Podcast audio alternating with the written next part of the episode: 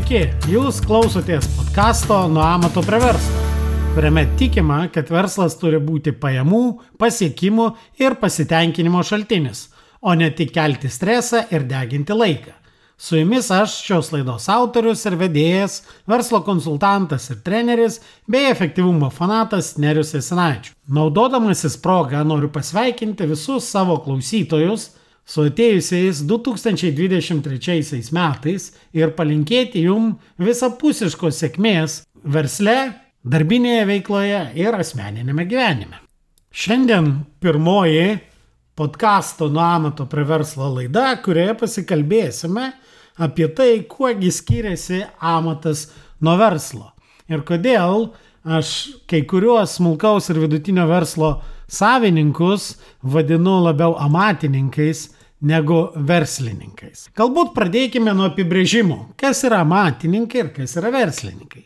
Internete galima rasti tokius amatininko apibrėžimus, kad amatininkai tai išmokę amatų asmenys, gaminantis pagal individualius užsakymus, arba rinkai, vartojimo reikmenis ir teikiantis paslaugas, atliekantis įvairų remontą.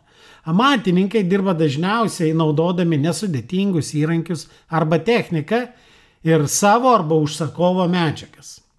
Man labiau patiko e, toks amatininko apibrėžimas. Tai amatininkai tai asmenys, kurie užsiema profesionale daiktų ar paslaugų gamyba. Amatystė daugelį apibrėžimų siejama su iki pramoninė, iki industrinė, iki kapitalistinė visuomenė.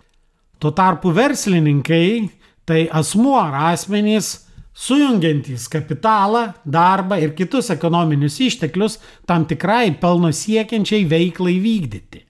Taip pat verslininkas tai asmuo užsiimantis verslu ir veikiantis savarankiškai savo riziką, savo vardu ir savo sąskaitą ar verslininkai, tai jau industrinė ar postindustrinė epocha ar e, laikotarpis. Ir jeigu pasižiūrėsim, kuo skiriasi, netgi pačiame apibrėžime, tai atkreipiama dėmesį į tai, kad amatininkai yra iki industrinė era ar epocha, tuo tarpu verslas jau industrinė ar postindustrinė. Ir esminis skirtumas iš tikrųjų yra tai, kad industrinėje visuomenėje atsirado specializacija arba darbo pasidalinimas, iš to at, išaugo efektyvumas ir tai leido uh, organizacijom išaukti į didelės apimtis. Ir uh, va čia yra tas esminis skirtumas tarp verslo ir amatininkystės, kad amatininkystėje arba amatininko dirbtuvėje pats amatininkas daro viską nuo pirkimo žaliavų, pats gamina, pats parduoda, pats su klientais bendrauja, pats savo mokinius ūkdo. Tuo tarpu versle yra aiškus darbo pasidalinimas, ne tik tai kuriant produktą, bet ir vieni užsiema pardavimais, kiti užsiema tiekimu, treti užsiema verslo sistemų statymu ir vystimu. Visų verslų, tiek didelių, tiek smulkių, net ir amatų tikslas yra tas pats Tai yra sugeneruoti pinigų. Ir esminis verslo savininkų ir vadovo tikslas yra užtikrinti, kad verslas uždirbtų pinigų dabar ir ateityje. Bet uždarbis gali būti iš įvairių šaltinių. Ekonomikos teorijoje skiriamos kelios uždarbio rūšis. Pirma uždarbio rūšis yra tiesiog darbo užmokestis, kuris mokamas darbuotojai ar specialistui už fizinį, už protinį ar kūrybinį darbą. Antras uždarbio tipas ar uždarbio rušis yra renta, tai yra mokestis už naudojimąsi žeme ar vienokiam ar kitokiam gamybos, gamybos priemonėm. Palūkanos tai mokestis už naudojimąsi kapitalu, tai yra trečias uždarbio tipas. Na ir ketvirtas uždarbio tipas tai yra pelnas, būtent tai, ką, ko siekia verslininkas.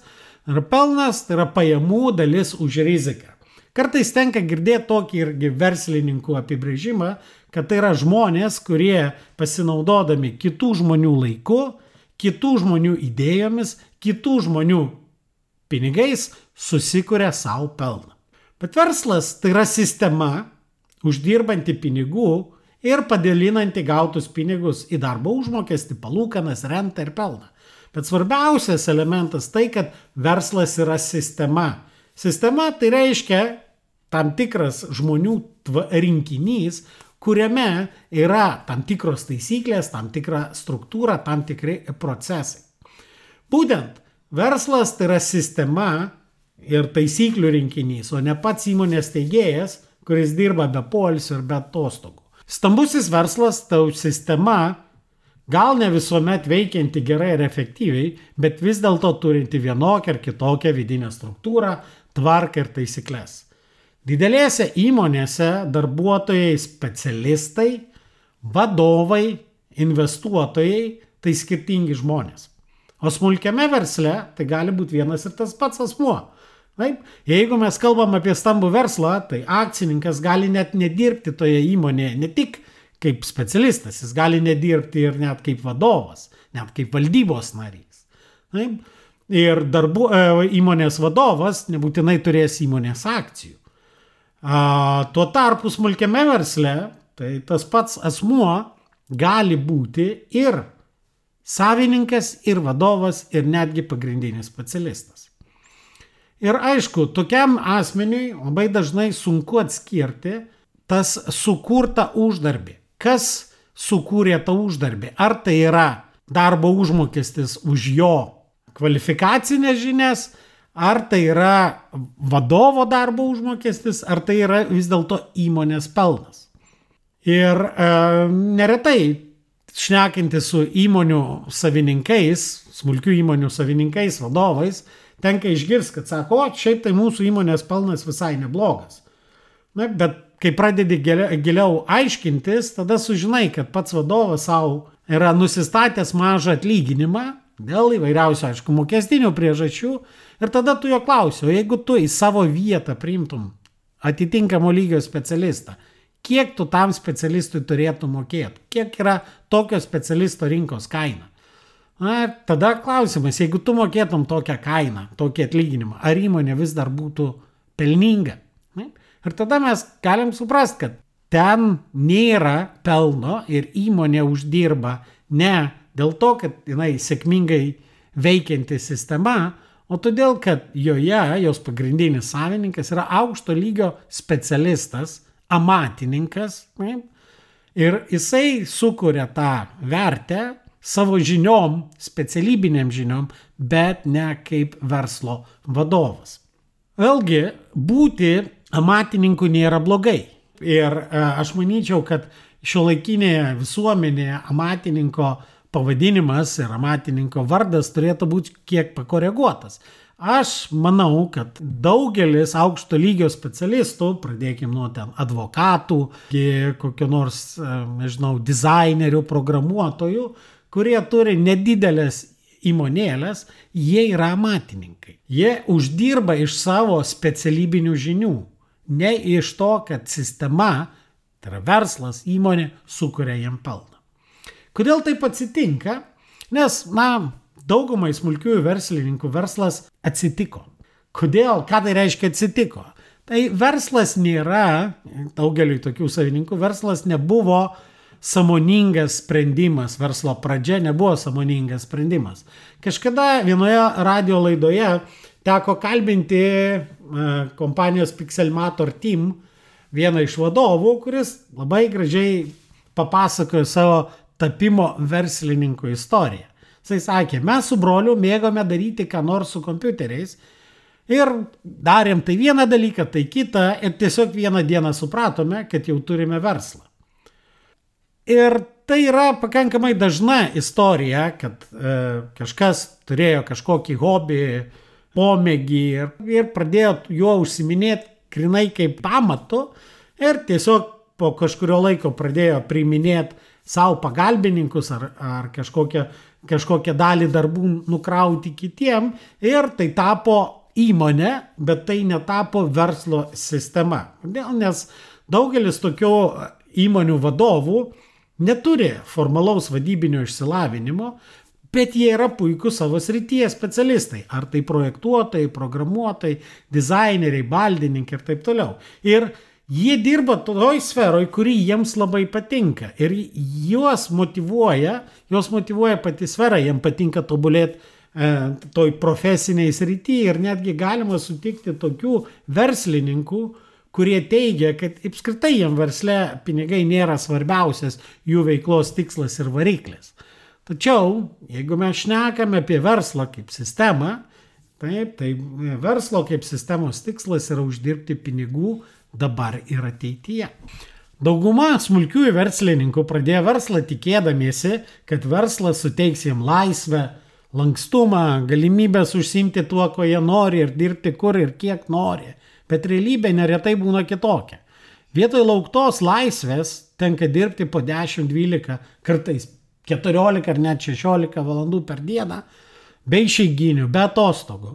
Taip, vienas mano geras pažįstamas smulkusis verslininkas net juokauja, kad verslas tikrai pagerino jo finansinę padėtį, bet ne padidindamas pajamas, o tiesiog sutrumpindamas laiką, per kurį jisai gali tuos pinigus išleisti. Nes visą laiką tenka būti versle, dirbti ir nėra kada tuos uždirbtus pinigus leisti. Tai kodėl taip nutinka? Ir aišku, jeigu pasiklausim pas smulkų verslininką, kodėl jam tenka tiek daug dirbti, jis pradės jums pasakoti apie labai unikalias savo verslo problemas. Kokios tos unikalios problemos? Na, per maži pardavimai. Nėra gerų klientų. Klientai pabėga. Klientai reikalauja kažkokių nežinomų dalykų. Nepaisant viso šito, kad ir užsakymų liktai mažai, bet jisai nespėja vykdyti tų užsakymų, kurios yra gavęs tiekėjai laiku nepristato žaliavų. Sunku surasti kvalifikuotus darbuotojus. Ir tie, kurie dirba kvalifikuoti darbuotojai, jie pabėga, juos pervilioja. Dideli verslai, konkurentai ir panašiai. Dėl to mažėja rinkos dalis. O tie darbuotojai, kuriuos jie priėmė, nes gerų darbuotojų nėra, tenka priimti tokius, kokius yra ir tie ne visai kvalifikuoti darbuotojai užsiema saviveikla, daro ne tai, ką reikia, daro nekokybiškai ir nemotivuotai. Rezultate įmonė nėra labai pelninga, dėl to trūksta pinigų investicijoms, na ir bankai tikrai e, neskolina, apskritai bankai labai nedraugiškai žiūri į smulkų į verslą. Štai dėl visų šitų kabutėse specifinių ir unikalių problemų įmonės savininkui ir vadovui tenka dirbti 24 valandas per parą, 7 dienas per savaitę. Ir tokiuose įmonėse nėra standartizuotų procedūrų, matavimų, taisyklių ir bendra komunikacija ir bendravimas vyksta kaip šeimoje.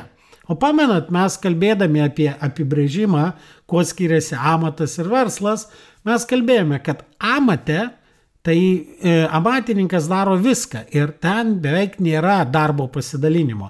Tuo tarpu verslas tai yra sistema, kuri kūrė pridėtinę vertę. Smulkaus verslo įmonė dažniausiai tampa priklausoma nuo paties verslininko. Nes jis yra ta alfa ir omega, jis yra ta sistema, struktūra, tvarka ir taisyklės. Ir smulkio verslo įmonės tampa tokio verslininko, amatininko atspindžio ar kopija, o įmonės pokyčiai ir tobulėjimas turi prasidėti nuo verslininko pokyčių. Jeigu jūs norit, kad jūsų verslas pasikeistų, pirmiausiai turėsite pasikeisti jūs. Aišku, tai nėra lengva, kai pokyčius turi pamatyti, žiūrėdamas į veidrodį. Taigi, smulkio verslo savininkui reikia apsispręsti Ar jis nori būti amatininku ir užsidirbti pinigų savo kaip specialisto darbo, ar vis dėlto nori būti verslo sistemos savininku. Šis apsisprendimas labai svarbus, nes jis taps kriterijumi nustatant svarbiausius prioritetus šiems metams. Prieš daugelį metų žurnale verslo klasė rašiau apie tai, kuo skiriasi protingas nuo kvailo. Nes protingas daro tokius veiksmus, kurie jį artina prie tikslo, o kvailys atlieka veiksmus, kurie neduoda jokios naudos arba galbūt net jam yra žalingi. Tuos veiksmus dažniausiai jisai daro dėl įpročių. Taigi, jeigu nuspręsite kurti verslo sistemą, tuomet reikės nusimatyti laiko verslo sistemos kūrimui bei tobulinimui. Tačiau tokio sprendimo įgyvendinimas reikalauja nemažai pastangų ir disciplinos. Pirmiausia, disciplina reikalinga paskirstant savo dėmesį ir laiką skirtingiams smulkaus verslo savininko vaidmenims atlikti. Apie tuos skirtingus vaidmenis mes pakalbėsime kaip tik kitoje podkasto nuo amato prie verslo laidoje. Tokį pokytį įgyvendinti tikrai nelengva, nes tai pareikalaus pakeisti senus įpročius, jų atsisakyti ir suformuoti naujus. Bet ši permaina yra pati svarbiausia. Tik įgyvendinęs savo pokytį, smulkiojo verslo savininkas gali tikėtis, kad jo verslas taps stabiliu ir augančiu bei atnešančiu puikius rezultatus ir pasitenkinimą, o ne tik keliančiu stresą ir valgančiu laiką. Na ir pabaigai vienas praktinis patarimas - atlikite namų darbą ir pasiskaičiuokite vat, už 2022 metus rezultatą. Kiek to įmonės rezultato buvo kaip įmonės pelnas ir kiek tai tame pelne yra nepasimtas verslo savininko atlyginimas atitinkantis rinkos vertę. Ir jūs tada pamatysit, ar iš tikrųjų jūsų verslas yra toks pelningas, kaip jūs tikėjote. Jeigu norite sužinoti daugiau apie tai, kaip sistemiškai kurti savo verslo sistemą, tai įsigykite mano knygą Nuo amato prie verslo pradžia. Ir joje rasite daug praktinių patarimų apie verslo sistematizavimą. Daugiau informacijos apie šią knygą galite rasti internete adresu amver.lt pakrypęs brūkšnys knyga. Tai yra amver.lt pakrypęs brūkšnys knyga. Dėkoju, kad klausėtės. Ir nepamirškite užsiprenumeruoti šį podcastą, kad visuomet gautumėte informaciją apie naujausias laidas. Taip pat būsiu labai dėkingas, jei įvertinsite šį podcastą palikdami atsiliepimą savo įprastoje podcastų platformoje. O jei pažįstate kažką, kam jūsų nuomonė šis podcastas būtų naudingas, būtinai pasidalinkite. Iki!